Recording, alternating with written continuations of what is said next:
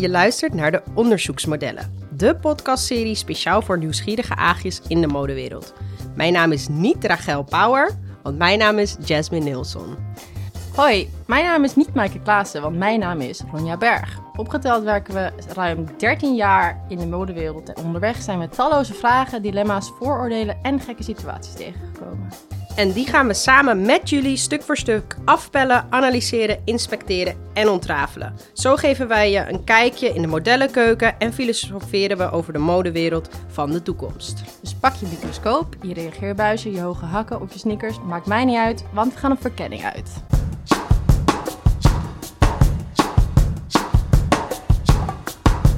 Nou, ik denk dat dit even leuk is om mezelf even voor te stellen. Ik zei al, mijn naam is Jasmine Nilsson. Um, maar um, waarom ik hier vandaag zit en mijn link met uh, de mode slash modellenwereld is omdat ik zelf fashion en branding aan de Amsterdam Fashion Institute heb gestudeerd. En zodoende ben ik zeg maar door middel van mode een beetje het wereldje ingerold. Ik denk wel dat ik een net andere uh, kijk en perspectief heb. Want ik ben zelf geen model. Dat is misschien wel even duidelijk om te zeggen. um, maar ik werk wel vaak met of modellen of in de industrie, de mode-industrie in de brede zin. Dus uh, vandaar dat ik hier vandaag zit. En ik ben Ronja. Ik zit hier ook. Ik ben uh, model. Ik doe al ruim, wauw, ik denk dat ik mijn eerste, mijn eerste job was toen ik drie was. Maar later uh, ben ik wel begonnen toen ik 14 was en uiteindelijk fulltime gegaan toen ik 16 was. Ik ben nu 26, dus dat kan je uitrekenen, best wel lang. En wij zijn beste vriendinnen. Wat misschien ook wel eventjes belangrijk is om te zeggen, of in ieder geval omdat jullie ons niet kunnen zien, is dat wij allebei uh, dubbelbloedjes zijn. Dubbelbloedjes zijn. We zijn uh, basically half zwart, half wit, om het even plat te zeggen. Um, en dat sluit uiteindelijk ook weer aan op het, waarom wij hier vandaag zitten en de podcast overnemen. Uh, maar misschien is het ook even leuk om te vertellen hoe wij elkaar kennen. En hoe lang misschien zelfs wel. Ja. Wij kennen elkaar door onze moeders, die tegelijkertijd zwanger waren van ons. En ze zijn allebei Zweedse dames, Zweedse vrouwen. En die zijn dus via via in contact gekomen met elkaar, omdat ze dachten, nou, hé, hey, ik ken ook een Zweedse vrouw die ook zwanger is van een zwarte man. Ja. Dus toen zijn zij in contact gekomen, vriendinnen geworden en toen werden wij ook soort van geforceerd om vriendinnen te worden. Met liefde, met liefde. Ja, wel. met heel veel liefde. Omdat we ook gewoon zulke goede vriendinnen zijn, zijn we eigenlijk nooit uit elkaar gegaan. Ronja, ja, jij hebt nee. ook veel in het buitenland ben je geweest door je modellenwerk. Ja. Dus maar nu vooral eigenlijk, wat ook wel mooi is, misschien door de quarantaine, misschien door alles, ja, ook door dit hele racisme-onderwerp, zijn we echt weer heel close geworden en zien we elkaar ook weer bijna elke dag, ja. soort van, of spreken we elkaar in ieder geval echt heel veel. Dus dat zijn wij eigenlijk. Ja, hallo, welkom. en uh, we zijn dus gevraagd voor deze podcast, omdat wij helaas ervaringsdeskundigen zijn uh, over het onderwerp racisme.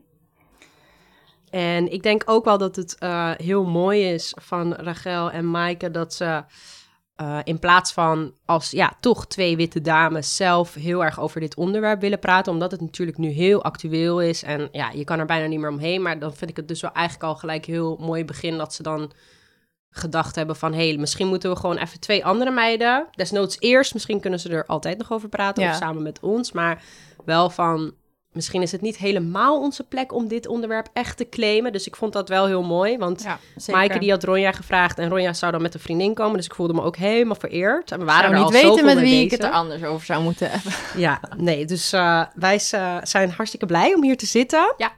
Zeker. En, um, maar laten we ook even naar het vaste rubriekje gaan. Ja, dat is namelijk de foto van de week. Ja. En uh, welke foto heb jij uitgekozen, Jess? Nou, ik heb even, hè, gezien het goed bij het thema past, heb ik gekozen voor een um, analoge foto. Die ik toch niet helaas zelf heb gemaakt, omdat ik zelf ook op de foto sta. Maar dat heb ik gewoon aan iemand gevraagd, die dus bij de protest was uh, in de Belmer, toen we daar waren. Hey, tegen, ja, we waren daar samen. Dus ik heb ook een foto gekozen waar jij, ik en nog een vriendin van ons, uh, Soraya, op staan. Met onze vuist in de lucht, met...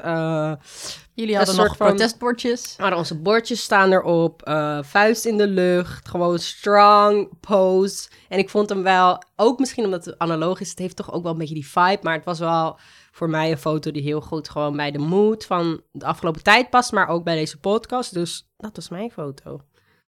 Ik heb gekozen voor een foto van mezelf, een mirror selfie, full body, die ik heb gemaakt toen ik thuis kwam van een van de eerste shoots sinds dat we weer mogen werken door corona. En ehm, toen kwam ik thuis en toen had ik een pakje gekregen. En dat was een heel vet Black Lives Matter shirt. Ja. Had ik besteld. En ehm, er staan heel veel soort modern day black icons op. Aquasi staat erop. Er staan Ja. heel veel foto's op. Soort, het is een soort collage erop. En Old Day, Martin Luther King staat er ook op. Ja, Malcolm X staat erop. Ja, En ook, eh, het is een soort collage. En er staat groot op Black Lives Matter. En een paar quotes. En mensen die met protestbordjes staan. Wat staat er? Can't breathe, dat soort dingen. Volgens Ja. mij staat George Floyd er ook niet heel 100% zeker. Maar het is een heel vet shirt. Allemaal kopen. Eh, support.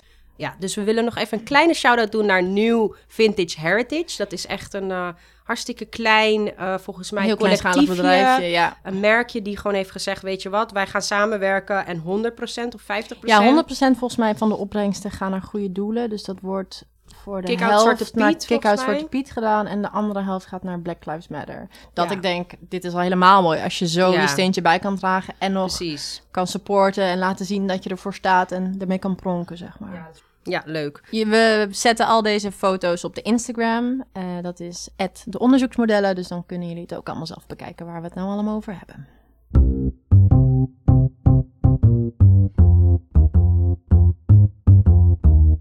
Vandaag is het onderwerp van de onderzoeksmodellen.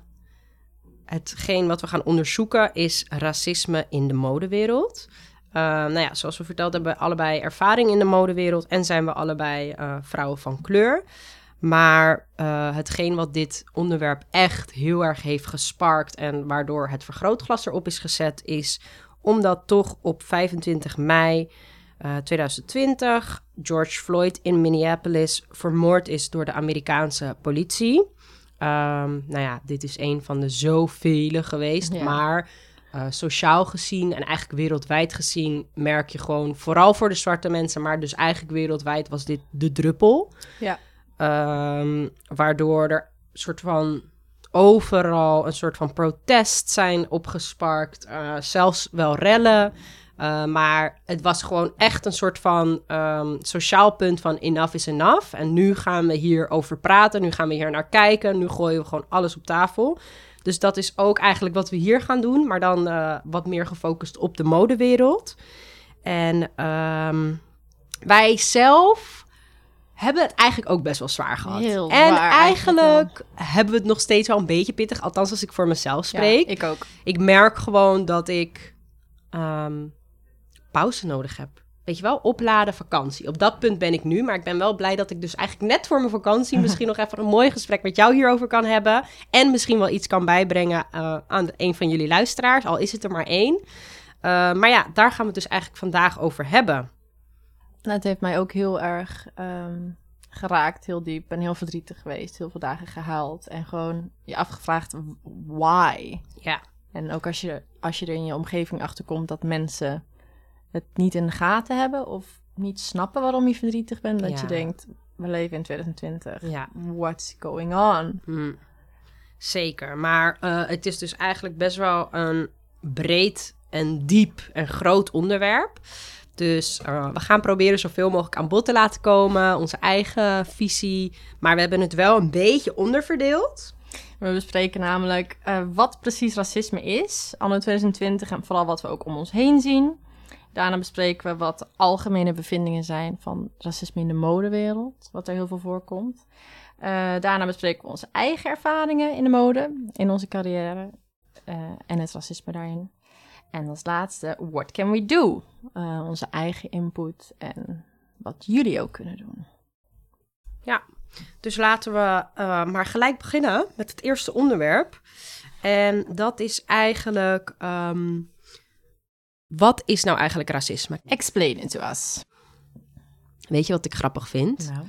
nou, niet per se grappig, dat is eigenlijk helemaal niet het goede woord, maar interessant, laat ik het zo zeggen, is dat ik natuurlijk wel met een zwarte vader ben opgegroeid. Ja. Ik bedoel, eh, jij kent hem natuurlijk ook heel Ja. goed en dat is ook een hele, ja, ik zou bijna zeggen excent- excentrieke man, maar het is in ieder geval echt een zwarte man. Hij is Black and proud. ja, hij is black and proud en hij heeft eigenlijk zijn hele leven hier al echt eh, voor gevochten. Misschien in zijn werk, in zijn eigen omgeving. Maar daartegenover staat ook dat hij samen met mijn moeder, denk ik, dan in overleg, weet je, qua opvoeding wel heel erg ervoor heeft gekozen om dat niet heel erg op mij tijdens mijn jeugd vooral, dus laten we zeggen tot een jaar of 16 of zo, niet dat op mij gepusht heeft. Het was niet dat ik die educatie, zeg maar, met een vingertje van dit is het, dit is racisme, dit is dat. Maar ja, het werd wel gewoon heel vaak besproken. Ik was wel altijd bij dat soort gesprekken als hij dat had met andere mensen. Maar ik, ergens ben ik ook wel weer blij dat hij me dat niet heel erg heeft opgelegd. Omdat het Zo op die ook, leeftijd, ja. ik had het niet eens kunnen beseffen waarschijnlijk. En wat ik dus nu merk, ben ik tien jaar later eh 26, is dat ook bij mij nu pas eigenlijk, en voor sommigen is dat zelfs nu pas wanneer ze 60 zijn, maar voor mij is dat dan nu, dat ik echt ook mijn eigen ogen open en echt voel en besef vooral wat dit allemaal is, dat hele systeem van racisme. En dat is misschien ook hetgeen waarom we zo geëmotioneerd zijn, omdat je gewoon opgeslokt wordt aan al die informatie en eigenlijk heel veel ding- dingetjes die je misschien diep hebt weggestopt, gaat beseffen en zo. Dus ik dacht, ik heb het altijd wel meegekregen wat racisme nou precies is, maar eigenlijk nu zou ik soort van volmondig kunnen uitleggen van dit is wat ik denk dat het is. Weet je wel, er zullen misschien altijd Ja. nog mensen zijn die het niet mee eens zijn, maar voor mij is racisme een systeem. En met systeem, dat klinkt een beetje vaag, maar ehm, als society, als maatschappij, hè, doen we allemaal onze dingen, onze dagelijkse dingen. Je hebt bepaalde structuren waar we ons allemaal aan houden, zodat het allemaal een beetje geregeld wordt. En ik denk dat het eigenlijk het systeem, het dagelijks levenssysteem, gebouwd is op onze geschiedenis. En als je kijkt naar onze geschiedenis, dan zijn er gewoon een aantal dingen die je niet- waar je niet omheen kan. En een van die dingen, eh, naast het succes wat bijvoorbeeld dan hier in Nederland... eh, succes zeg ik tussen aanhalingstekentjes. Want dat is voor de een succes, maar voor de ander, nou ja... Een trauma. mm, Ja, precies. Maar eh, wij kennen dat als de Gouden Eeuw, eh, rijkdom... VOC. Geld hier naartoe halen, business. Het is wel de foundation van waarom dit land nu zo lekker loopt, zeg maar. Eh, financieel gezien, sociaal gezien zou je dus sowieso kunnen zeggen. Maar het systeem is eigenlijk ontwikkeld in de tijd dat dus de slavernij was. Dat, dat, dat zwarte mensen eh, van Afrika naar Zuid-Amerika, Amerika zijn gehaald.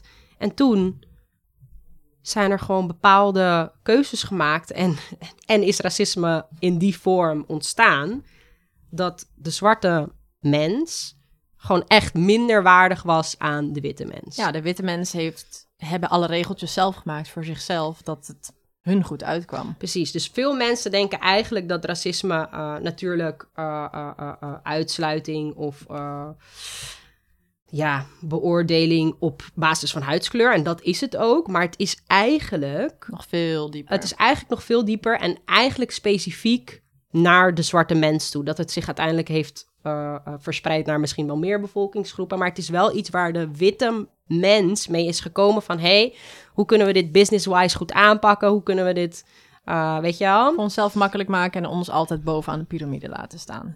Het is in ieder geval een systeem waar je vandaag de dag dus nog steeds zijn vruchten van ziet. En vruchten, dat is ook een beetje positief, dus niet zo. Maar je zou dat kunnen zien als... ehm, je krijgt minder snel een baan als je een kleur hebt. Mensen zijn letterlijk bang voor je als je een kleur hebt. Eh, De belastingdienst. de Belastingdienst is ook naar voren gekomen, thank god. De politie, etnisch profileren. Ehm, in groep 7 dat je eh, eh, een lage CITO-score. ja, dat je, nou niet de CITO-score, maar de advies. Advies, Dat ja. je een laag advies krijgt, terwijl je gewoon naar de VWO kan, maar omdat je toch hè, van een andere achtergrond bent. Dus dat zijn allemaal kleine dingetjes waar je vandaag de dag gewoon letterlijk mee leert te dealen. Het voelt voor ons normaal, Ja, waardoor je wel. ook denkt van, huh, weet je wel. En ook heel veel mensen denken, huh, dat is toch gewoon wat het is, soort van, eh, of ze hebben er niet eens last van, maar dat is dus voor mij een beetje het systeem van racisme. Sorry, dat was best wel een lange uitleg. Ja, goed. Ik hoop dat het nu duidelijk is voor heel veel mensen. Ik zie het dus heel erg als systeem. Tuurlijk, als iemand tegen mij zegt, iets racistisch tegen mij zegt, dat is een racistische actie. Maar ik ben zo gaan uitzoomen dat het nog veel groter is. En dat maakt het eigenlijk ook wel een beetje eng. En een beetje moedeloos. Alsof je er bijna ook niks aan kan doen. Nee, daarom denk ik juist dat deze hele, hele revolutie wel goed is. Dat er nu eindelijk iets gaat gebeuren. En dat ook veel mensen doorhebben wat er gebeurt. Precies. Ook alle witte mensen. Want Ja. die, ik heb zelf mensen om me heen gehad die zeiden... Oh, en toen ik vertelde dat ik wel eens voor Zwarte Piet ben uitgemaakt... Zo vaak eigenlijk dat het me eigenlijk niet meer boeit. Nee, letterlijk. Eh, dat ze zeiden, oh, echt? Dat ik dacht, gast, denk je serieus dat dit een soort scheme is met ons allemaal? We hebben niks te doen tijdens corona. We gaan ehm, iets bedenken om jullie te irriteren. Ja. En jullie timelines helemaal te spammen met dit soort dingen. Ja. I wish. Ja. I wish. En voor ons is het natuurlijk ergens ook wel weer heel dubbel. Want onze moeder is gewoon wit. Mijn moeder is ook Ja. blond met blauwe ogen. Weet Ze je doen wel. ook echt wel hun best om, om ons goed te laten voelen. Maar Tuurlijk, ze, tuurlijk. Ze hebben het nooit meegemaakt. Nee, uiteindelijk blijven het witte vrouwen, waarvan we dus ook een beetje allebei bij onze moeders wel merken dat ze ook heel geëmotioneerd raken. Omdat ze ook misschien niet eens per se nu pas voor de eerste keer, maar nu weer beseffen van wat nou eigenlijk nog steeds de Hoe situatie is, is. ja. Het is misschien niet per se verslechterd, want ik, ergens denk ik toch dat die lijn wel stijgend is met zeg maar positieve veranderingen. Dat wil ik in ieder geval geloven. Maar ja, het is ergens ook wel weer heel sad dat we dus deze discussie überhaupt nog hebben met elkaar. Maar daar tegenover staat ook dat ik echt wel begrijp vanuit een wit perspectief dat het ook allemaal een beetje overwhelming is en dat je het eigenlijk allemaal niet begrijpt. Want wat je dus nu heel veel hoort is van wat moet ik doen en Mhm. weet je wel, wat kan ik doen en zo. En ik snap het wel. Maar ik denk dat iets wat belangrijk is om ook nog even aan te stippen, wat hier ook wel bij valt en wat nu heel erg uitgelicht wordt, is dat er iets is als white privilege, witte privilege. Ja. Ehm, en dat is eigenlijk precies het tegenovergestelde van als je dus beoordeeld wordt van, hé, hey, jij bent zwart, dus ik geef je VMBOT als advies. Dan krijg je gewoon Het is gewoon eerder... een green card. Ja, het is eigenlijk een soort green card van, hey, skin. Ja, je, je bent wit, je hebt, je hebt ook een goede eh, eh, basis. Je ouders zijn bij elkaar, je hebt eh, een goed huis, weet je. Je hebt een goede basis om verder je leven te starten. Dus je zal wel VWO verdienen. En dat is eigenlijk het tegenovergestelde. Dat witte kind, die heeft dat natuurlijk helemaal niet door. Dat is gewoon iemand in groep 7 die denkt... oh ja, top, ik heb, ik heb een goede score. Maar niemand heeft dan door wat er dus eigenlijk met het andere kindje van kleur gebeurt. Die ook denkt, ja, het zal wel, het zal wel kloppen. Ik ga wel naar die scholen, want al mijn vrienden en mijn buurt zitten ook daar op die scholen. Dus het hoort allemaal zo. Maar nee, sorry, dat hoort gewoon niet zo. Dat is nu een beetje wat aan het licht komt. Ja. Van nee, het is nu gewoon klaar. Ja. Het gaat gewoon om de bewust, bewustwording. Dat Ja. je realiseert, het is niet oké. En dat je ook het verschil ziet. En dat je ook dus eigenlijk je white privilege erkent. En denkt, ik doe er wat mee. Want witte mensen kunnen heel goed op dit moment ook juist hun white privilege gebruiken... om andere mensen hierover te informeren. Omdat witte mensen toch eerder wel van witte mensen aannemen. Dat ook. En het systeem wordt geleid door witte mensen. De, de top level is all white. Dus als wij change willen, dan zijn het die mensen die dat moeten gaan We're doen. not gonna give, get it. Of wij, wat onze houding misschien is, is wij klimmen naar boven, zodat we dat zelf een beetje kunnen beïnvloeden naar beneden. Maar uiteindelijk het snelste zou zijn als zij zouden zeggen, oh, dit is waar, let's go. Maar ja, dat pieten. is een beetje lastig. Ehm, dus ja, er is een bepaalde ontwetendheid, ook bij zwarte mensen, ook bij witte mensen. Er is gewoon heel veel educatie te doen, omdat we dat misschien niet op school hebben gekregen, niet op de tv hebben gekregen, nergens niet. Dus times are changing, hopefully. Dat die ontwetendheid een beetje wordt aangepakt. En ik denk daardoor dat je ook wat meer empathie kan creëren en dan stappen ook gewoon, gewoon hele realistische stappen kan ondernemen om dit soort dingen aan te pakken. We zitten er eigenlijk middenin en aan alle kanten worden we misschien wel een beetje getrokken, maar daarom zijn we wel ook echt erin gedoken voor Ja. onszelf, gewoon onze personal journey. Ik want- heb eh, de afgelopen maanden meer geleerd dan de 26 jaar daarvoor. ja, dus het is niet dat wij niet ook aan het leren zijn en onze zeker. ogen aan het open doen zijn en, en van alles. Dus it's, it's same. Dus laten we het dan maar gewoon hand in hand doen en samen. Ja, het is ook echt niet erg om fouten te maken. Hè? Het is juist goed om Ja. het gesprek aan te gaan. Ook met zwarte mensen om je heen. Ja. En het is echt niet erg als je een keer blank zegt in plaats van wit. Want waarom zeggen we wit en zwart, Jas? Ja, weer? dat is misschien wel inderdaad wat, wat iemand kan opvallen. Nou, ehm, uit diezelfde periode waar dit allemaal een beetje is ontstaan, eh, zijn de termen dus ook ontstaan. Blank waren de witte mensen. Ehm, Wordt gezien als goed en mooi. ja, en blank inderdaad rein. letterlijk als je dat opzoekt in het woord. Ja, is rein, schoon. eh, een blank canvas zeggen we ook, hè, met schilderen. Dus dan kan je helemaal lekker erop losgaan. En de zwarte mensen waren gewoon die N-word. Laat ik het toch even Ja, zo zeggen. De N-woord. Ehm, de N-word. En dat is gewoon... In Nederlands hebben we dat niet echt, hè? We zeggen nog niet N-woord of zo. Nee. We zeggen nog even een beetje zo Amerikaans N-woord zeggen. Ja. Nou, thank God in ieder geval. Maar dat is dus een woord wat eigenlijk weer tegenovergestelde eh represent. Je bent Komt een slaaf. Spaans ook. Dat betekent dus letterlijk zwart. Oh ja, letterlijk zwart. eh, je bent gewoon een slaaf. En dat, het was ook een, echt een neerbuigende term. Dus Never use it, Ik kids. vind- ik kijk ook niet in liedjes. ja, zeg het gewoon in ieder geval niet tegen iemand om iemand zwart te omschrijven. En als je zwart ook eh, ongemakkelijk vindt, wat voor mij niet hoeft, want hoe heet het in het Engels? Black and white. Like a black person, he's a black rapper, ik zeg maar A wat. weet white je woman. Klinkt heel normaal eigenlijk, maar in Nederlands moeten we gewoon nog een beetje wennen. Heel veel ik. mensen moeten werken. Ik, ik, ik noemde mezelf vroeger altijd bruin. Ja, jij was ook dacht, bruin. Ik, ik heb een bruine kleur, dus ik nam dat heel letterlijk. Ja, en Dus- het is dus ook niet zo letterlijk. Je bent niet wit als een A4-papiertje wit. En zwart als in eh, De nacht. deze microfoon. Nee. Maar het zijn meer etnische, culturele kleuren. En daarom is het ook wel goed om misschien te zeggen van... Als je zegt, ik zie geen kleur en ik behandel iedereen gelijk.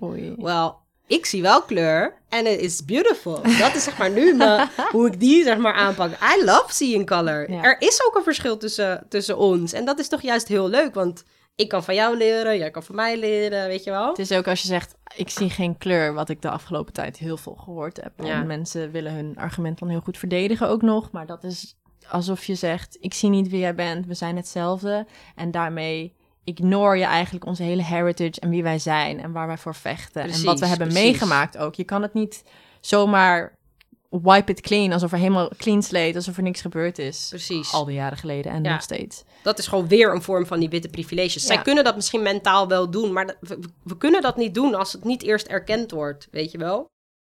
Maar voor nu is het wel van, zie alsjeblieft mijn kleur.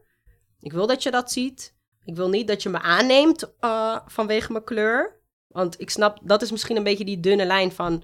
ik ga je nu toch niet expres inhuren bij bijvoorbeeld een job of zo... Mhm. omdat je zwart bent. Want dat voelt dan ook weer heel dubbel. Maar ja, ik ben wel zwart, weet je wel? Zeg Ja. maar, het is wel zo. Je kan wel gaan doen alsof het niet zo is. Het is een hele dunne lijn. Het is, Het is, we moeten er allemaal nog aan wennen. Ja, wij moeten ook nog even daar misschien zelfs nog wat dieper in- op ingaan. eh, in onszelf. Maar ehm, ik denk dat het ook wel goed is om dan nu even het, het stapje te maken naar de modewereld. Want daarom eh, eh, zitten we hier natuurlijk ook. Dat is een beetje mijn hoekie. Ja, Eh, een beetje de algemene bevindingen over racisme in de modewereld. Ehm, ja, je ziet tegenwoordig niet heel veel zwarte modellen. Anywhere eigenlijk. Mm. Ja, je ziet ze wel, maar niet genoeg. Er zijn genoeg shows. Hoe- hoeveel, zit, hoeveel modellen zitten er gemiddeld in een grote show? Dan de shows in de modesteden. Een stuk of 70. Mhm. En ehm, gemiddeld is daar slechts een paar procent dus zwart. Stel je voor, van de 70 zijn er misschien vier zwart. Moet je nagaan. Die hele line-up zie je voor je.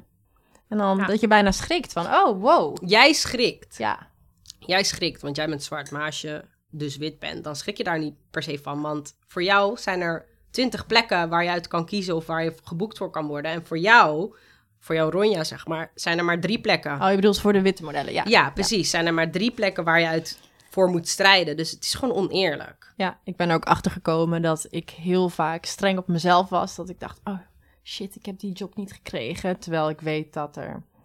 En meisjes die op jou lijkt. Ja, precies. En dat vooral. En dat er vaak jobs zijn. Stel een soort, je bent meerdere modellen. Nou, dan zijn er altijd vier, vijf wit.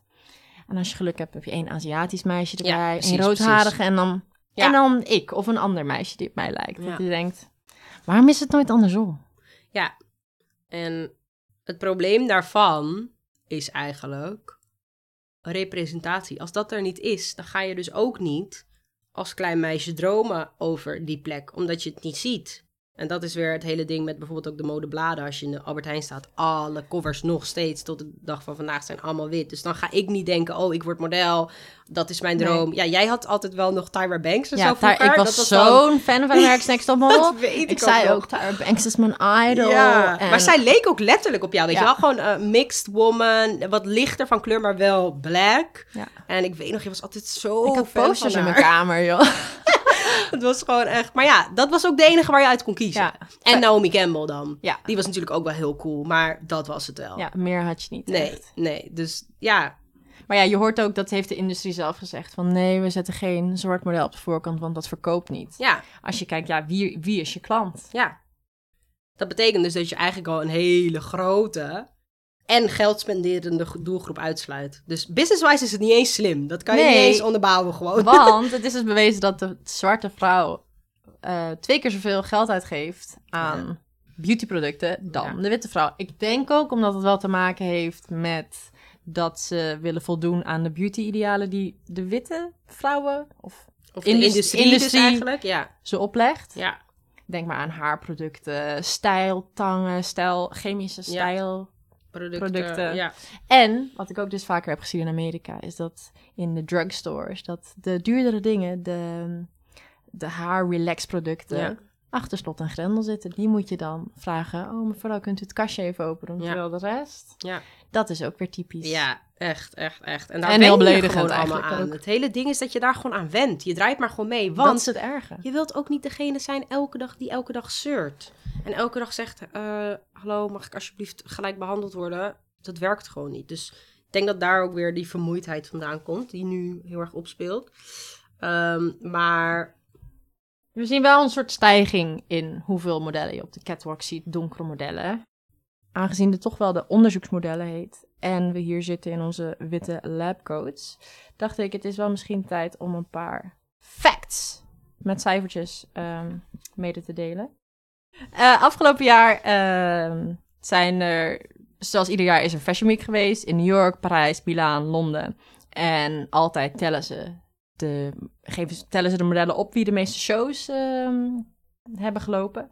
En dan noemen ze dan een top 10 ervan, brengen ze uit. En slechts één van die modellen was zwart.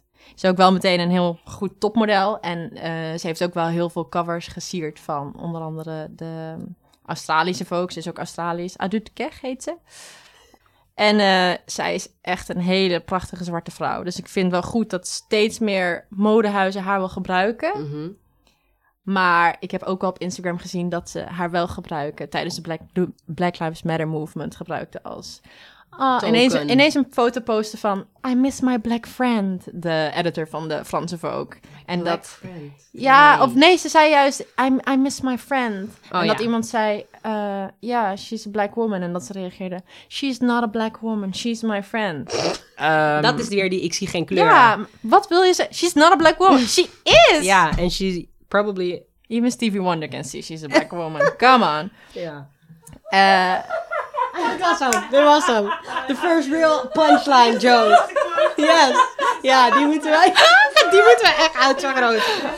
ehm, ja, en eh, de shows met de minste ehm, people of color modellen was Chanel. Daarvan was 5,5% zwart. Dat is heel sneu als je echt bedenkt dat... Hoeveel, hoeveel modellen? 100 modellen en dan 5,5. Nou, dus dan is er 5,5 model zwart. Eentje is dan misschien mix. Ja. Eh, ja, Celine was 8,1%. Nou ja, je kan het uitrekenen. En ook eh, de Spring Summer 2016 campagne van Valentino was genaamd Wild Africa.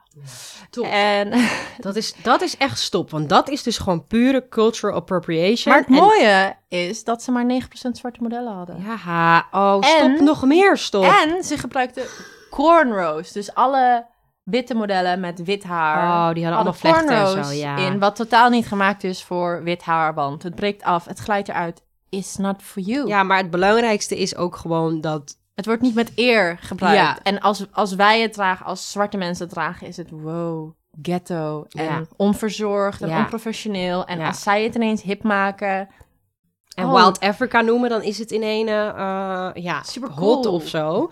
Eh, dat is dus ook een beetje het cultural appropriation themaatje, wat heel veel ook gebeurt in Ja. de modewereld. We weten natuurlijk allemaal de Kim Kardashian met haar cornrows. En ik weet niet eens, is het alweer een aantal jaar terug? Of misschien, whatever, een tijdje geleden. Waarom dat zo raar is, is omdat je niet als wit of niet zwart persoon iets kan doen waarbij de zwarte persoon nog wordt veroordeeld en, en, en belachelijk wordt gemaakt. En, Er en, en er dan zelf, ja, en dan er zelf mee pronken zonder te weten waar het voor is. Wist je wel dat, dat eh, vlechten gebruikt worden om vroeger, als je dus op zo'n plantage werkte als slaaf, Mhm. En je was zo brave enough om nog soorten van te vluchten of in ieder geval iets te proberen, gingen ze gewoon in hun vlechten communiceren met elkaar door, Echt? door dus eh, eh, eh, ja bepaalde patronen te doen en dan dat als communicatie te gebruiken, vluchtroutes, dat soort dingen. It's it's like real deep. Het was like een overlevings eh, eh, eh, m- methode eigenlijk om te gebruiken. En daarnaast is natuurlijk met kroeshaar type C en is dat volgens mij? Ehm, Dat is een hele hele dichte krul. Heel, Ja, eh, heel het is gewoon een protective hairstyle. Dus het is ook gewoon letterlijk praktisch. Naast dat het super prachtig is en het er zo ook nog eens heel mooi staat, is het ook gewoon vaak praktisch van. Het kost gewoon veel werk en in de winkels kan ik niet voor een goedkope kruidvatprijs die producten kopen. Dus dan kies ik er liever voor om bijvoorbeeld een week lang hetzelfde kapsel te hebben. En dat is dus not fair. It's not fair. En please don't do cultural appropriation. En als je twijfelt, dan is het vaak toch cultural appropriation. Want dan betekent het dat je gewoon of niet eh, genoeg verdiept hebt. Want je hebt ook iets als cultural appreciation. Maar misschien is het bijna nog te vroeg of is het bijna te gevoelig nu in deze tijd om Ja, daar het over niet te doen. hebben. We zijn nog bij de, bij de education fase. Misschien moeten we daar even op ons focussen. En dan, Ja. Als je vlechten wil, dat, dat doen we wel. eh, Doe maar gewoon twee vlechten. Doe gewoon twee. Dutch braids. Dutch milkmaid braid. Ja. Maar ik weet ook dat het eh, vroeger op de plantage... dat eh, de witte colonizers af en toe natuurlijk wel een uitstapje maakten... met de zwarte slavinnen. Ja. En dat het daarna ook... Want die hadden veel cooler haar. Hallo, die andere Tuurlijk. vrouwen hadden een beetje stijl... eh, en een knotje achter op hun hoofd gestoken... met zo'n melkmeisjeshoedje op. en eh, daardoor, daarna werden ook dus... Die vrouwen werden heel erg jaloers. Ja. En daarom werden ook die vlechten verboden. Dus ik denk dat het daar ook als een soort statement is geweest van... vlechten zijn slecht. Ja. Vlechten, ze zijn gewoon jaloers, ja. basically. Ja, toen der tijd wel. En als je dan nu als, als tienjarig meisje naar Amerika gaat en je gaat naar school en je hebt vlecht en ze zeggen sorry, maar je mag de school niet naar binnen. Ik heb dat nu nog niet, ik heb dat nog niet in Nederland gehoord. Ik ken daar geen bekende verhalen van, maar in Amerika wel. Dat je gewoon denkt, wat? En dat tienjarige meisje moet dan begrijpen waar dit allemaal vandaan komt en hoe dat allemaal systeem is tegen, die tegen haar wordt gebruikt. Nee. Dus laten we gewoon from the ground up, nee eigenlijk from top down, het gaan aanpassen. Break it down. ik weet ook nog heel goed, de eerste keer dat ik in New York was, toen zag ik, ik heb, heel, ik heb krulletjes. En eh, ik weet nog dat alle vrouwen die ik daar zag, dat die hadden allemaal dat hele gestelde haar. En ik zag echt bijna... De zwarte vrouwen Ja, de zwarte vrouwen. Ik zag bijna nul zwarte vrouwen met normaal Natural, natural, ja. haar. Dus dan weet ik nog, toen wa- waren we in zo'n groot warenhuis, Macy's. En toen Mhm. vroeg ik het aan een verkoopster van... Ja. Why, why, why, does everybody straighten their hair? En toen vertelde ze dus van ja, dat wordt hier gezien als mooi. Ja. En dat was 2014 of zo? Ja. Nee, misschien nog wel eerder. Ja. Eh, en dat was heel normaal daar. En dat ze het me Ja. gewoon vertelde van ja, anders word ik hier niet gerespecteerd op de werkvloer. En sowieso ook niet in het algemeen. Ja, en wat je dan ook nog wel eens hoort is... Maar zwarte dra- vrouwen dragen toch. Ja, die stijlen toch hun haar. Die, die dragen toch ook alleen maar stijle pruiken. Mm, die willen, toch, die willen toch ook eh, eh, eh, ons haar hebben. Dat is dan toch ook racisme? Of dat is dan toch ook cultural appropriation? Well, straight hair is not a cultural thing. Je hebt in heel veel Er verschillende geen culturen... emotionele, heb je, geen emotionele Precies, je hebt, je hebt in. Azië heb je heel veel stijlen, eh, heel veel stijl haar. Dus dat is niet toegeëigend naar alleen de witte mens. cultuur. Precies. En wat denk je nou? Wat denk je nou als, als alle bladen, als alle shows alleen maar stijl wit haar laten zien? Tuurlijk ga je lang, dan maar een beetje uit een super onzekerheidje maar gaan aanpassen aan hetgeen wat, het, wat de beauty standard is. Ja. Ik vind dat niet heel raar. Dus het is een beetje lullig als je dan gaat zeggen, ja, eh, jij doet het ook. Wel, als ik het kan kopen in de Appie en in de weet ik veel waar, misschien, en je ziet het ook gewoon veel en je gaat het ook echt mooi vinden. Want weet je hoeveel kleine meisjes tot oude vrouwen nog steeds hun natural hair niet Echt, accepteren? Er was ook een tijd dat ik dat wilde hoor. Ik wilde, oh, ik wil ook relaxen, man. Ja. Ze zei, nope, Nee, nope, not Nee. today. Nee. Dus je kan ook maar zoveel doen als ouder natuurlijk. Je kan wel elke keer zeggen, je bent wel mooi, je haar is wel mooi, maar... Zo moeilijk om te zien al, als je niemand om je heen hebt die eruit ziet zoals jij. Dus daarom was ik altijd heel blij dat wij samen zijn opgegroeid. Want Tuurlijk. Ik we bedoel- zijn gewoon zussen. We lijken ook op elkaar, weet je. We zijn dezelfde soort type. Ja. Dus dat je het altijd, als je iets over je heen krijgt, dat je het even met z'n twee kan bespreken. Van, Ja. hey, heb jij daar last van? Of, nou, deze lijkt, zij lijkt wel op mij en ik vind haar heel leuk, dus. I don't care about the rest. Ik ben ook gewoon fatty. dus ik hoop dat je weet dat je nooit zo graadmager hoeft te zijn... omdat je agency of je modewereld dat tegen je zegt. Je bent, ook, je bent gewoon mooi zoals je bent. All bodies are beautiful. Misschien is het ook een goed punt om even door te gaan naar de eh, eigen ervaringen... die we vooral specifiek met de modewereld hebben. Ik denk dat jij er misschien nog wel een hele waslijst van hebt. oh ja, zeker. Ehm, wat is het dan eigenlijk? Wat zou, je, wat zou je zeggen wat echt toch een beetje het ergste is wat je gehoord hebt of, of meegemaakt hebt? Op het gebied van racisme in your modeling career. Ik denk dat een van de dingen die waar ik eigenlijk iedere keer dat ik werk nog bang voor ben, is dat ze niet weten hoe ze met mijn haar en mijn huid om moeten gaan. Ja. Qua kleur, qua mijn haartextuur. Ik heb zo vaak gehad dat ze met een hele verkeerde foundation kleur bij mij aankwamen. En dan voel je je A zo lelijk en ook Mm. gewoon niet gewaardeerd van kom op, dit is je werk. Ja. Je hoort dit te doen. Je hoort van super wit Ja. tot super zwart allemaal te kunnen. Anders, go back to school. Ja. Echt waar. Ja. En ook mijn haar. Ik heb zo vaak gehoord, oh, je hebt echt lastig haar. Mm, zeg Nee. meer over jouw skills dan over mijn haar, ja, maar goed. precies. Dus ik denk ook vooral dat ja, alle make-up artiesten en haar mensen die luisteren, vraag het. Het heeft mij ook 26 jaar geduurd voordat Ja. ik met mijn haar om kan gaan. Ja. Ik had vroeger ook kroeshaar en allemaal klitten in en dreadlocks achter in mijn haar, in mijn nek. Ehm ain't easy, maar vraag het ons. Dus ik heb ook heel vaak jobs gehad waar, ze, waar ik dus uiteindelijk hoorde dat ze zeiden... oh ja, maar ik wist niet dat er een donker model op set was. Zou zijn die dag. Dat ik denk, oké, maar dat is niet de reden dat je dan een witte foundation op mij doet. It's Eh, just excuses, maar goed. ja, en het erg is nog als het gepubliceerd wordt en dat je er aan niet op lijkt. En dat je je er gewoon voor schaamt. Terwijl het iets moois is. Dat het iets is waar het om trots op te zijn. Ja. Dat je gepubliceerd werk doet. Tuurlijk. Dus ik denk dat dat wel een van Omdat de ook- ergste is. dat is ook wat je gewoon elke keer bijna wel, misschien, nou ik zou niet zeggen elke keer, maar wel echt vaak meemaakt. Echt. Echt, gewoon 9 van de 10 keer. Ja. Ja. En de la- maar nu durf ik het ook te zeggen. Want daarvoor, ja, wat wil je doen? Dus ik neem ook altijd mijn eigen foundation mee. Mijn eigen concealer. Eh, sinds wanneer durf je dat te zeggen? Ehm, sinds een maand. Sinds Zeg maar maand. sinds deze, Ja, deze sinds nieuwe deze 2020 hele, revolution. Sinds deze hele revolution. Want daarvoor heb ik altijd maar, ja, nou, nou. Ik cijfer mezelf wel weg. En eh, ja, ik ga wel gewoon achter in een hoekje Ja, staan. Dan maar met een grijs gezicht op de foto. Oei. Kunnen we dat ook in de show notes zetten? Nee, dat doe ik mezelf niet aan. Ehm, ja, of ze photoshoppen me dus in de foto later eh, wit. Vaker gehad. Ja. Neuzen die, foto, die kleiner geshopt worden. ja. Eh, kinnen, terwijl ik echt een goede kaaklijn heb, als ik zeggen. Yes. Eh, die gewoon langer geshopt worden, dat ik denk, Western features, zeg maar. why? Dat is de beauty standard. But not anymore. We're, we're mixing it up. Ik denk dat het sowieso wel een beetje een ding is wat je online steeds meer zag. Ook, ook voor deze revolution.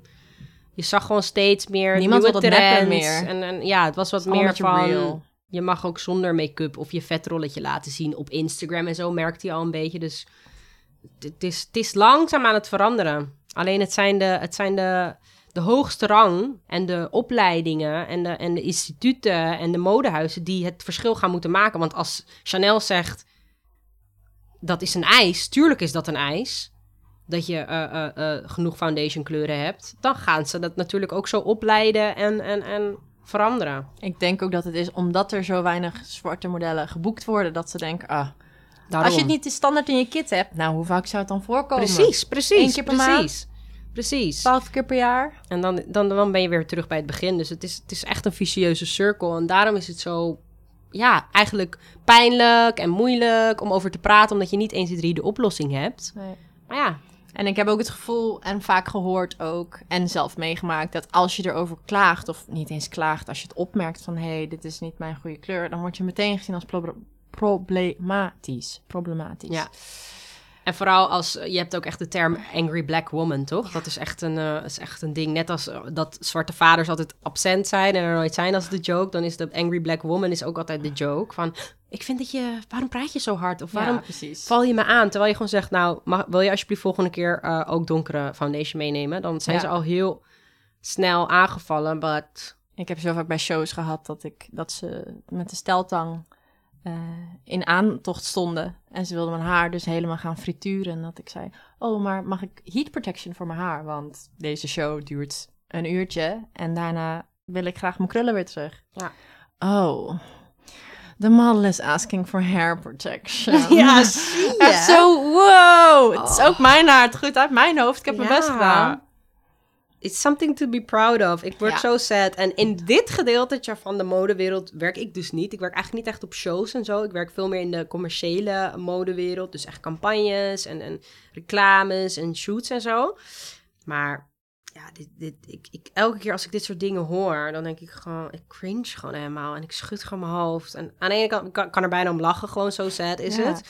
Maar is het dan ook zo dat je ehm, je soort van erbij neer hebt gelegd dat je meer een commercieel model bent dan high fashion? Ja, ik heb er altijd wel een beetje tussenin gezeten. En Want als ik het je zo vraag op de man af, had je liever high fashion willen doen? Je hele Mm. carrière lang of zo? Niet dat je, ja. Nee, maar het- ik heb het wel geprobeerd. In het begin vooral. Maar Ja. dan is het altijd... Er is sowieso ook bij high fashion bureaus... Is plek voor één, één zwart model. Ja. Dus als ik een nieuw agency zocht... was het van dat mensen me aanraden... Oh, ga naar, ga naar dat bureau of dat bureau. Die hebben nog geen zwart model. Je maakt Ja. kans. Letterlijk. Terwijl, hoeveel witte... Witte Krijgen die kans wel blonde gewoon. meiden Ja. zitten daar. Zitten bij ieder, bij ieder bureau. ja.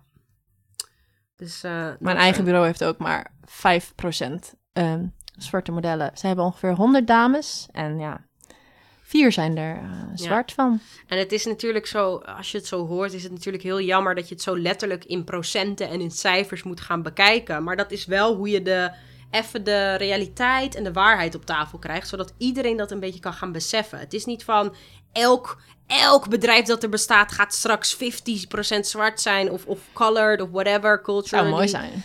En 50% white. Dat, dat gaat gewoon niet zo zijn. Nee. Dat denk ik persoonlijk nu niet. Misschien hoe meer baby's we gaan maken en, en weet ik veel wat. Iedereen en dat allemaal uiteindelijk. verspreid wordt, tuurlijk. En er komen ook veel meer mensen uit nu weer andere streken naar eh, het westen toe. Maar ja, het is wel gewoon... Het klinkt misschien een beetje plat dat we zo die cijfers zeggen en zo. En heel letterlijk die ver- vergelijking maken met zwart-wit en zo. Want we bashen dus natuurlijk niet de witte modellen hiermee. Nee, die, totaal niet. die daar natuurlijk eigenlijk ook niks aan kan doen. Maar het is wel iets waar je bewust van kan zijn. Ook als wit model. Op de set of in de eh, kleedkamer. Of hoe noem je dat? backstage, sorry. Dat klinkt nu echt alsof ik nooit daar ben. Maar backstage of zo. Hou daar gewoon wel rekening mee. En als je bijvoorbeeld ziet dat een meisje zo wordt aangesproken. eh, eh, of een Ronja die, die, waarvan je gewoon voelt van ja... Zeg dan gewoon... ehm, Sorry, dit is niet oké. ja, ik vind ook dat je zwarte foundation bij je moet hebben. Hoezo heb je dat niet? Join gewoon ook een beetje die fight van het is niet normaal. En het hoeft ook niet normaal gevonden te worden. Ik bedoel, je moet zelf een beetje aanvoelen of het je plek is en of je daar zelf energie voor hebt. eh, altijd hoe je daarmee om wil gaan. Maar ook zo zou je. Back them up. Back Ja. us up. Want het is niet oké. En ook als wit mens moet je dat eigenlijk niet oké vinden. Want dat is die ongelijkheid. En dan, op dit soort momenten kan je juist je white privilege gebruiken. Want als wij het zeggen, zijn we, zijn we vervelend, zijn we moeilijk. Ja. Maar als de witte meisjes het zeggen... En zo kunnen we. Oh, we mogen geen meisjes meer zeggen, heb ik gehoord in deze podcast. Dames, vrouwen, wat, wat, Ja, wat is het is, maar dat is, weer, dat is weer ook weer een andere, hè? Ja, ja. Dat is weer een andere. Maar wel Ja. heel goed dat ze dat inderdaad al hadden aangekaart. Want dat is ook weer... mm. Ja, ik heb ook eh, volgens mij van de week nog gehad dat ik eh getagd werd op Instagram in een eh, campagne. Dat was ik niet. Het was een ander meisje. Ik kende haar ook gewoon. En het grappige is dat mijn foto's van... Het was dezelfde productie, productiebedrijf. Dat mijn foto's, mijn campagne er wel stond. Maar daarom was ik niet getagd. Nee, zie je. Ja, het, is, het is gewoon... Het is gewoon zo typisch. Ik merk ook dat ik voornamelijk als ik voor jobs geboekt word, of vooral campagnes, is het, Mm. oh ja, maar het is oké, voor sportcampagnes, weet je, het is nooit van, oh, we gaan je zo mooi in het licht zetten, een mooie beautycampagne helemaal Ja. over jou. Nee, sporty, urban, big hoops, Ja. big hair. Hallo, mag Ja. ik ook een keer? Dat was het ergste bij shows. Ze zeiden dat, nou, we gaan je haar helemaal uitborstelen en dat is het. En alle meiden kregen van die mooie beach waves. Ja. En ik dacht altijd, ik wil het nog steeds. Ik heb het nog steeds Ja. nooit gehad. Ja. Ik wil het nog steeds. En weet je hoe makkelijk dat kan, hè? Ik ken genoeg, dat is weer mijn beetje positie. Ik ken genoeg, ik, ik denk dat het naturally is gekomen. Maar als ik een productie zelf draai, want ik doe ook producties, dan kies ik natuurlijk, net zoals dat misschien witte mensen doen, kies ik mensen weer die op mij lijken en waar ik me fijn bij voel. Dus bij mij is het vaak zo dat het een heel gemixt team is. Dus echt van alles wat eigenlijk. Voor mij is het dus eigenlijk veel meer normaal. En daar ben ik heel blessed om. Dat het dus niet allemaal zo gaat op de sets waar ik werk. Tuurlijk, ik kom vaak genoeg op de set waarbij ik de enige eh, eh, eh, gekleurde ben. Of, of ehm, die ook maar iets een beetje anders is dan gewoon de norm. Maar dat is dan voornamelijk op filmsets. Maar zodra ik ehm, invloed kan hebben, dan zorg ik er gewoon voor. En ik werk dus bijvoorbeeld met zwarte modellen, dat dat gewoon gefixt is. Dit, en dat is misschien ook wel een goed bruggetje naar het laatste onderwerp. Het is allemaal zwaar, het is allemaal vervelend eh, eh, eh, en dramatisch. Maar wat gaan we nou gewoon doen? En wat zijn de oplossingen en wat kan jij zelf doen? Ja. Om hier een beetje een change in te maken. We hebben het al een beetje genoemd net, kleine dingetjes. Ik denk Ehm, dat het vooral belangrijk is, want wat jij zegt dat je wel eens met hele gemixte teams hebt gewerkt. I wish. Ja, precies. ik denk dat ik vrijwel nooit op een set ben waar überhaupt, wat ik het liefste zou hebben, een zwarte make-up artiest en haar Girl, artiest. you gotta work with me. Ja. You gotta work with Dus me. tegenwoordig google ik, of Instagram check ik make-up artiesten. Dus laatst zag ik dat eh, de make-up artiest waarmee ik live moest werken, dat ze een campagne had gedaan voor Flisco. Mm. Dat, is een, dat is een bedrijf dat Ja. maakt eh, kleding van prachtige Afrikaanse stoffen. En ik Ja. zag dat ze een heel, heel zwart model had. Dat ik dacht, oké, ik hoef Mm. niet met samengeknepen billetjes te zitten. Ik weet dat ze weet wat ze aan Ja. het doen is. En ze zei ook, nee, je huid is echt makkelijk. En ze maakte me echt mooi. En ik voelde me ook vooral mooi. En ik denk dat dat ook heel belangrijk is. Dus to all the producers, all the fashion people, book your black make-up artists, please. Ja.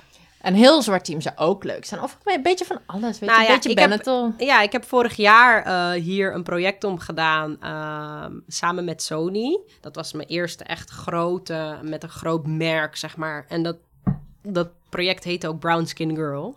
Dus het was zelfs verplicht dat ik alleen maar met mensen van kleur... Ik, mocht mijn eigen, ik was een fotograaf en ik mocht mijn eigen team eh, samenstellen. Hij stond ook op de foto, was veel mooi. Ik stond ook op de foto en ik heb een hele expo gehad voor het eerst met foto's. En het was allemaal eh, revolved around ja, the magic of being a black woman. En dat was in alle soorten tinten en, en, en kleuren die je dan daarvan hebt. Maar ja, dat was voor mij, hey, dat is voor mij de norm, hè? Voor mij is dat, dus dat is aan de ene kant weer een privilege wat ik heb. Wat ik één zo heb ontwikkeld, Black maar privilege. nu nog meer eh, bewuster mee omga. Ja. Maar dat is ook waar ik naartoe trek. Ja. Weet je wel? En dat is gewoon. Ik ga liever voor minder geld voor een kleiner bedrijf werken. Waarbij ik me dus fijn voel op dat gebied. Waarvan ik weet. Alles is open en het is wel gelijk. Dan dat ik dus voor heel veel meer geld. Tuurlijk, af en toe moet ik ze ook pakken. En dat, dat ik dan wel de enige ben. Maar dan ook dan probeer ik mijn invloed uit te oefenen. Ja. Dus, en dat is dus nogmaals wat je from top-down moet gaan implementeren. Dus zorg ervoor dat het, dat het standaard wordt op de make-up schools en hair schools. Dat je ook gewoon een hele course, een heel semester over black hair gaat doen. Of over Asian hair of over whatever. Want die modellen ga je steeds meer en meer voor je neus krijgen. En dan ook nog agencies, Mhm. die ook nog. Ja, Die kunnen ook een steentje bijdragen, denk ik. ik denk dat die ook gewoon goed achter hun modellen moeten staan. En ook vooral tijdens dit Black Lives Matter gebeuren wel kunnen zeggen van... we staan achter jullie en we supporten jullie... in plaats van alleen maar te profiteren van onze beautiful black bodies. ja. Zeker. En weet je, wat, weet je wat het belangrijkste is? Representatie. Zodra jij ervoor zorgt dat het dus divers is, je team, zonder dat het een trend is, en ook achter de schermen, niet op je social media, maar gewoon Ja. letterlijk op de werkvloer, dan ga je ervoor zorgen dat er dus meer mensen ook achter de schermen. Dus de modellen zijn misschien voor de schermen, en dat is ook heel belangrijk, want op die modebladen moet het ook gebeuren, maar het moet ook achter de schermen gaan gebeuren. Gewoon overal. Ja, zodat het gewoon de norm wordt en dan je allemaal dat soort awkward mm, situations niet meer hebt. Of pijnlijk zelfs. Niet alleen awkward, maar ook gewoon pijnlijk. Ja. Zeg ook niet, ik weet niet waar ze zijn. Of bel me, mijn e-mailadres, drop it in de comments. Want ik ken genoeg mensen, weet je wel. Ehm, Het is gewoon een beetje ons kent ons. En dat is voornamelijk ja, weer. verbreed dus blijkbaar gewoon even je netwerk. Ja. Weet je wel? En, en ga er gewoon voor. En deel die contacten ook met elkaar. En zeg ook een keer van... Hey, ehm, Weet jij iemand? ja, probeer gewoon je steentje bij te dragen... om hoe je die invloed kan uitoefenen. Ja. We also need more black influencers, vind ik. Over influencer gesproken even. ja. Wat er zijn. Tuurlijk, dat is ook weer representatie. Zodra ik zie als klein meisje dat ik dat ook kan worden. En dat is natuurlijk een beetje het probleem van de zwarte community. Want in, als we het even over Amerika hebben, maar eigenlijk wereldwijd wel, worden de mensen, in, de zwarte mensen in de sport, weet je, ze zijn fysiek Mhm. sterk, lang, groot.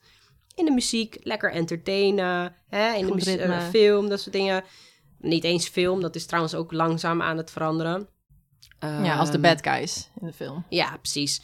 Ehm, wat nog meer? Maar ja, als jij in, als je in het ziekenhuis komt, je hebt een keer je pols gebroken en je ziet nergens een zwarte dokter, dan ga jij niet denken: Oh, ik wil ook dokter worden. Ja. Cool, want ik, mijn, mijn vader is dat ook. Nee, je vader is dat niet, want hij heeft nooit die kans gekregen. Dus daarom is representatie gewoon heel belangrijk. Dus Dus. hire. hire, hire, hire. All of them. Everywhere. Ja, en ik ben freelancer, dus ik ben sowieso in te huren. Ik ben model, ik kan ook eh, in te huren. Ja. Ehm, ja. Sta- We, zijn ook, we zijn ook als duo in te huren. ja, Ehm, zeker weten. Styling. Nee, grapje, grapje. Nee, dit is geen zelfpromotie, maar het is wel. ehm, er, zijn, er zijn gewoon bepaalde dingen die je kan doen. En naast dus die representatie is het ook gewoon educatie. Als jij bij jezelf afvraagt: wat kan ik doen? Dan is het wel fijn dat je weet waar je het over hebt. Zodat je dus op de set of zo, of als je iets merkt en je wilt er wat over zeggen, dat je ook die confidence hebt om het te zeggen. ik denk dat het anno 2020 al helemaal met dit, deze revolutie die gaande is.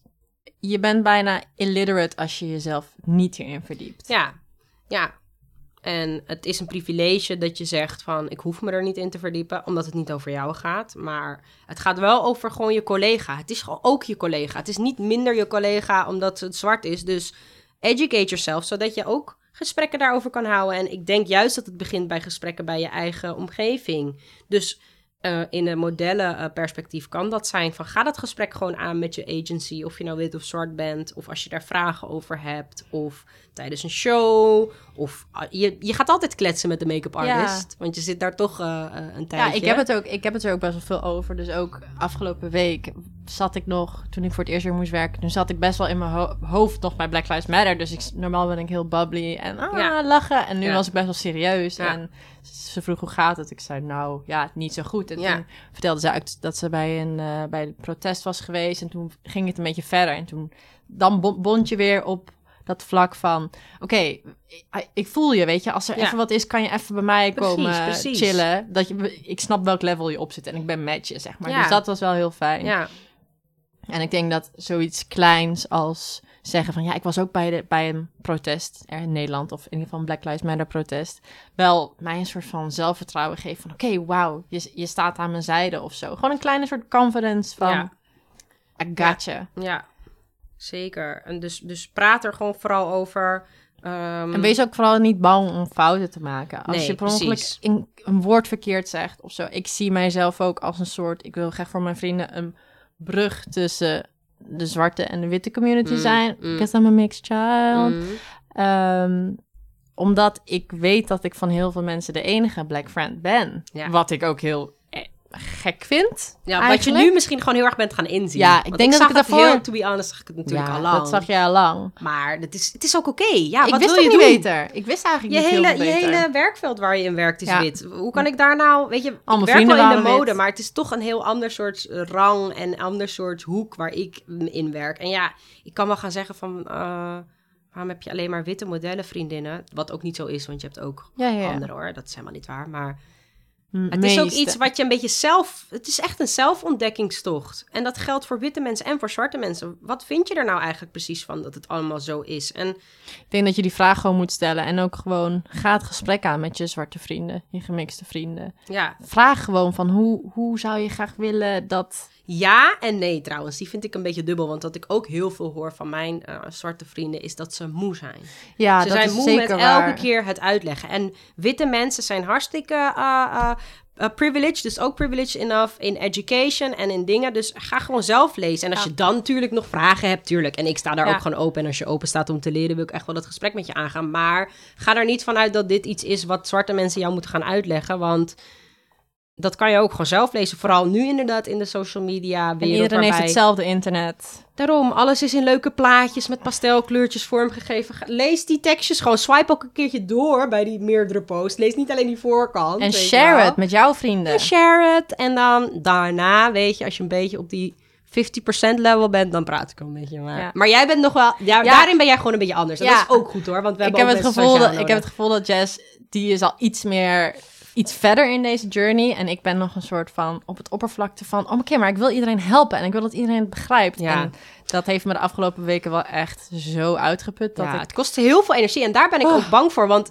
je kan wel gaan fighten en je vuist in de lucht en let's go. En dat was ook heel erg mijn moed. Maar ik ken ook heel veel mensen die dat al dus blijkbaar hun hele leven doen.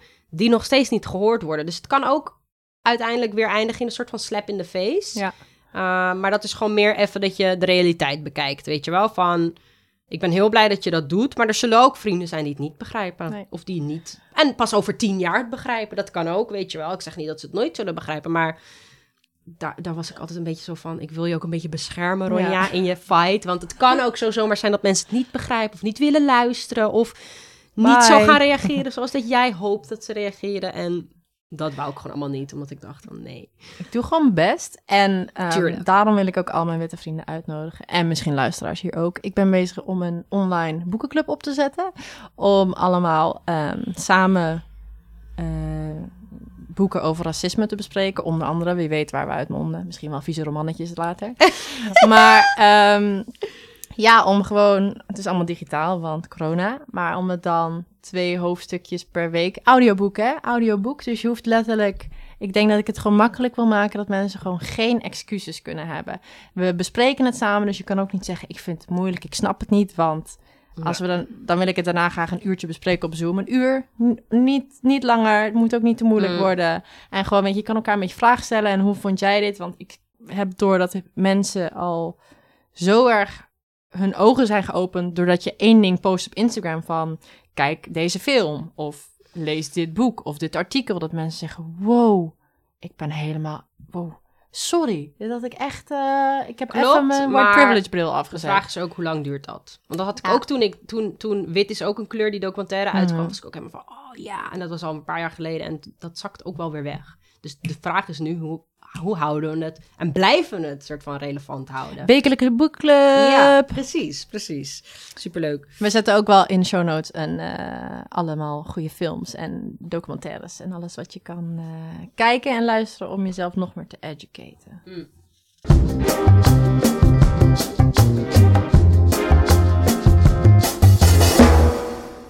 zijn eigenlijk al bij het einde aangekomen van de podcast. Uh, maar we hebben nog wel een aantal tips op een rijtje gezet. Dus dit geldt ook voor Maaike en Rachel, onze podcastzusters. We hebben het eigenlijk een beetje aan hun toegewijd. Uh, wat zij zouden kunnen doen. Maar dit geldt natuurlijk ook voor jullie allemaal. Dus Wat je kan doen, eh, gewoon just dive into alle stof en alle bronnen die er eh, beschikbaar zijn. En eh bury yourself in knowledge.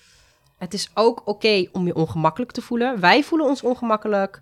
Uh, zwarte mensen, maar ook witte mensen. Stap 1 is gewoon, sta ook foutjes toe. Sta dat gevoel van ongemak toe. It's fine. Uh, volg meer diverse accounts. Ik snap dat als je alleen maar op Instagram heel veel witte mensen volgt, ja, dan krijg je niet zoveel mee. Je krijgt al deze flavor van ons niet mee. Dus uh, ja, volg meer verschillende mensen en leer over alles en iedereen, over culturen, over alles waar je nog niet te veel van weet. Speak up. Dus don't tolerate it. Uh, zodra je geeducate bent, dan voel je ook die backbone om iets te kunnen zeggen. Maar ja, bestrijd racisme wel gewoon actief. je moet wel gewoon nu ook je mond gaan opentrekken. Ehm, ja, check je eigen biases. Heel veel mensen zeggen, ja, ik ben niet racistisch. Maar ja, de- we zijn allemaal wel eens racistisch geweest. Ik ook, Jazz ook, iedereen. Dus ga gewoon bij jezelf na van... waarom denk ik zo over deze bepaalde groep of deze bepaalde mensen? En denk naar waarom dit zo is. Eh, iets om de gelijkheid ook wat meer in balans te brengen ehm, op ondernemingsgebied is support je black local businesses. Ehm, daardoor zorg je gewoon voor dat er ook een markt komt voor ja, alle andere mensen die in dit land wonen. Ehm, en die krijgen dan ook een beetje de spotlight. Dus dat zou ook top zijn. En dan de laatste, teken petities. Je ziet ze vaak wel eh, voorbij komen op Instagram of andere social media. Maar tekenen blijkt dus echt te helpen. Je ziet het maar in de Eerste en de Tweede Kamer wat we er doorheen hebben gekregen. Dus teken, teken, teken. Doe het. Nu.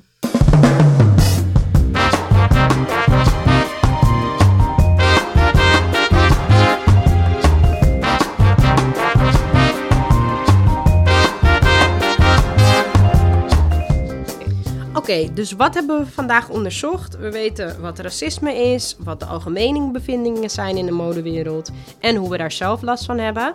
En welke stappen je in de modewereld kan zetten om beter te worden. Ja, precies. En dit was de vierde aflevering van de onderzoeksmodellen. Eh, we willen graag Rachel en Maaike bedanken voor, het, voor deze prachtige overname van de podcast. En eh, ja, jij Jess, voor het delen van je mooie woorden. Zeker, en jij En ook. eh, dankjewel André Power voor het maken van de jubelende muziek. En dankjewel aan mezelf. Helemaal toppie. Bedankt voor het luisteren. Volgende keer onderzoeken Rachel en Maaike weer een ander onderdeel van de modewereld. En wil je in de tussentijd niks missen, dan kun je ons nog vinden op Instagram, de onderzoeksmodellen. Ja, en we vinden het ook heel leuk om post te ontvangen. Je kunt reageren en al je schaamteloze vragen stellen eh, via een DM op Instagram of een e-mail naar deonderzoeksmodellen.gmail.com. En misschien beantwoorden wij je vraag wel in de volgende aflevering. Doei!